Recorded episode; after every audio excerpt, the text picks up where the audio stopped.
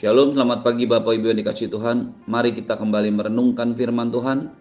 Pagi hari ini diambil dari Mazmur pasal 44 ayat yang ke-9 sampai dengan 27. Mazmur pasal 44 ayat yang ke-9 sampai dengan 27. Karena Allah kami nyanyikan puji-pujian sepanjang hari. Dan bagi namamu kami mengucap syukur selama-lamanya. Selah. Namun kau telah membuang kami dan membiarkan kami kena umpat. Engkau tidak maju bersama-sama dengan bala tentara kami. Engkau membuat kami mundur daripada lawan kami. Dan orang-orang yang membenci kami mengadakan perampokan. Engkau menyerahkan kami sebagai domba sembelihan dan menyerahkan kami di antara bangsa-bangsa. Engkau menjual umatmu dengan cuma-cuma dan tidak mengambil keuntungan apa-apa dari penjualan itu. Engkau membuat kami menjadi celah bagi tetangga-tetangga kami menjadi olok-olok dan cemooh bagi orang-orang sekeliling kami. Engkau membuat kami menjadi sindiran di antara bangsa-bangsa, menyebabkan suku-suku bangsa menggeleng-geleng kepala. Sepanjang hari aku dihadapkan dengan nodaku, dan malu menyelimuti mukaku. Karena kata-kata orang mencela dan menista di hadapan musuh dan penendam, semuanya itu telah menimpa kami, tetapi kami tidak melupakan kau dan tidak mengkhianati perjanjianmu. Hati kami tidak membangkang dan langkah kami tidak menyimpang dari jalanmu. Walaupun engkau telah meremukkan kami di tempat serigala dan menyelimuti kami dengan kekelaman. Seandainya kami melupakan nama Allah kami dan menadahkan tangan kami kepada Allah lain, masakan Allah tidak akan menyelidikinya? Karena ia mengetahui rahasia hati. Oleh karena engkau, kami ada dalam bahaya maut sepanjang hari kami dianggap sebagai domba-domba sembelihan. Terjagalah, mengapa engkau tidur ya Tuhan? Bangunlah, janganlah membuang kami terus-menerus. Mengapa engkau menyembunyikan wajahmu dan melupakan penindasan dan impitan terhadap kami? Sebab jiwa kami tertanam dalam debu, tubuh kami terhampar di tanah. Bersiaplah menolong kami, bebaskanlah kami karena kasih setiamu. Bapak Ibu yang dikasih Tuhan, kemarin kita sudah belajar merenungkan firman Tuhan dari Mazmur pasal 44 ayat yang pertama sampai dengan ke-9.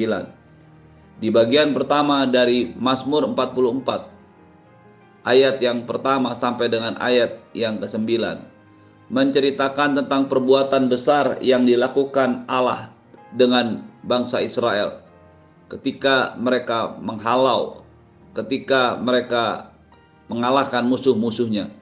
Tuhan sendirilah yang menyertai, Tuhan sendirilah yang berperang, dan Tuhan sendirilah yang menghalau musuh-musuhnya. Orang-orang Israel mengandalkan Tuhan, tidak kepada pedang atau kekuatan sendiri, tetapi kepada tangan kanan Allah. Ini adalah sebuah pengalaman mengalami kesuksesan, keberhasilan bersama-sama dengan Allah. Di dalam ayat yang ke-10 sampai dengan 26 tadi kita membaca sebuah pengalaman yang berbeda dengan pengalaman sebelumnya. Ketika di bagian pertama Mazmur 44 menceritakan keberhasilan, kesuksesan perjalanan kita bersama-sama dengan Tuhan karena Tuhan yang menyertai. Maka pada bagian yang kedua adalah kegagalan, kehancuran orang-orang Israel dalam kehidupan mereka karena mereka tidak lagi berjalan bersama-sama dengan Tuhan. Karena mereka tidak lagi mendengarkan Tuhan. Karena mereka mengandalkan kekuatan dan keterampilan diri sendiri. Pada saat-saat seperti itu, mereka mengalami kekalahan.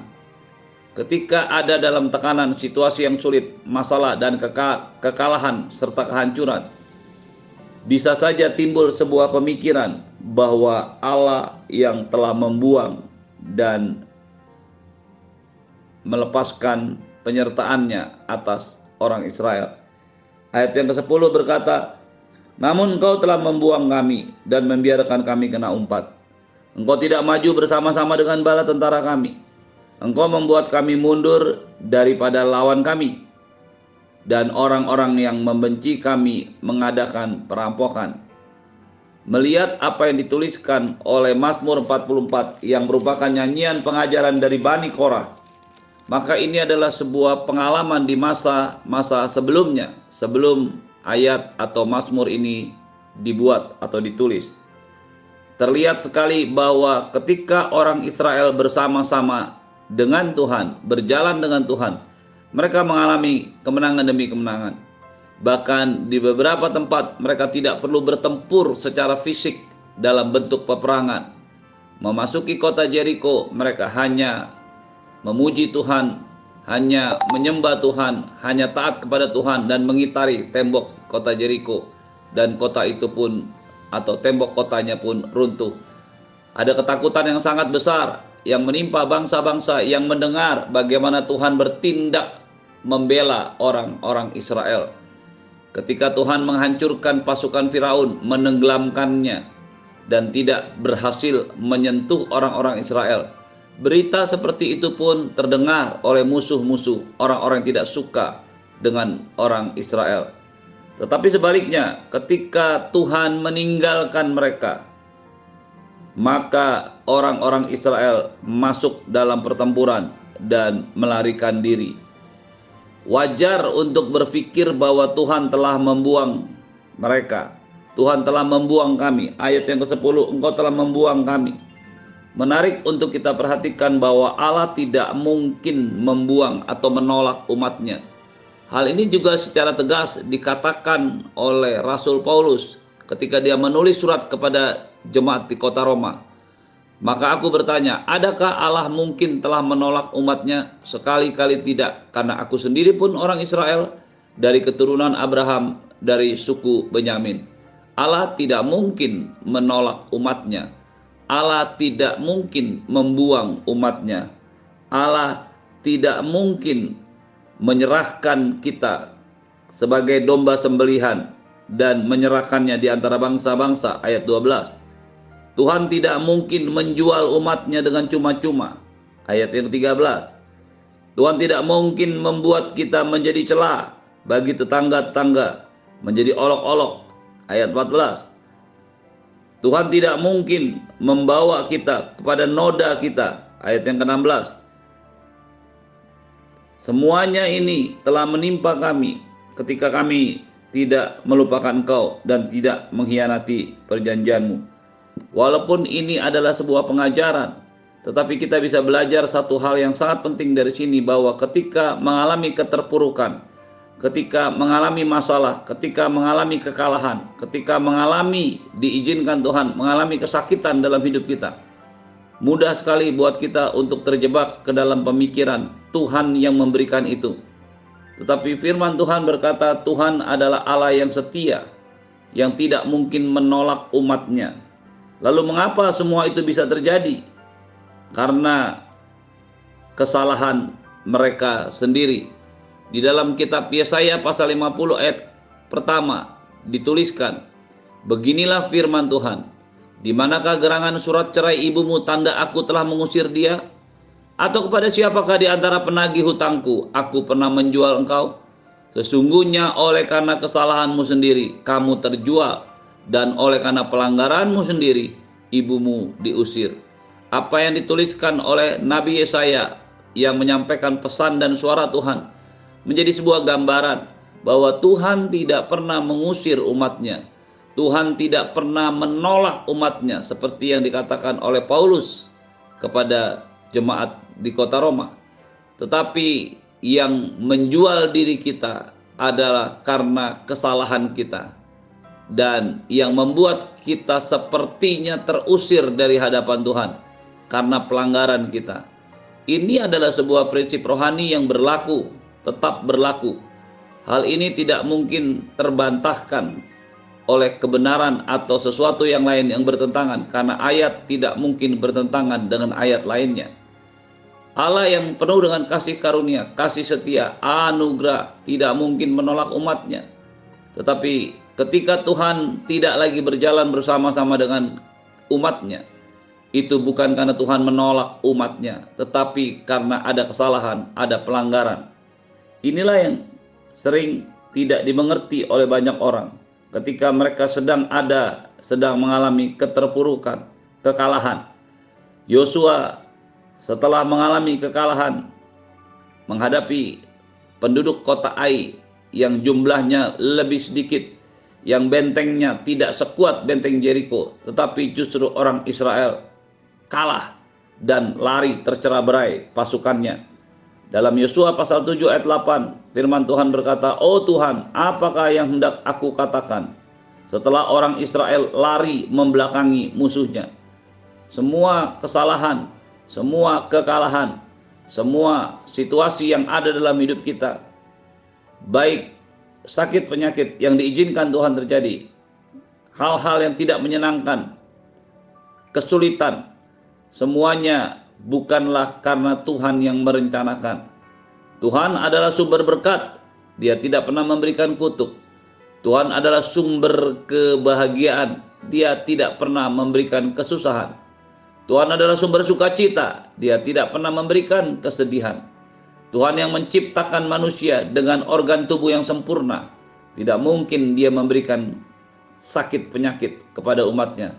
Mengapa hal itu bisa terjadi? Tentu saja karena seizin Tuhan. Seizin Tuhan bukan berarti Tuhan yang punya ide, Tuhan yang punya inisiatif, Tuhan yang punya rencana. Tapi itu diizinkan Tuhan ketika umatnya, orang Israel, Anda dan saya melakukan kesalahan atau melakukan pelanggaran. Ketika itu terjadi, kita merasa sepertinya Tuhan membuang kita. Sejatinya bukan Tuhan yang membuang kita, tapi kesalahan kita membuat kita tidak bisa masuk ke hadiratnya. Pelanggaran kita, ketidakkudusan kita membuat kita tidak layak untuk datang kepadanya. Mungkin sebagian dari Anda berpikir, lalu bagaimana dengan apa yang sudah dikerjakan Tuhan Yesus di atas kayu salib? Tentu saja hal ini adalah sesuatu yang benar.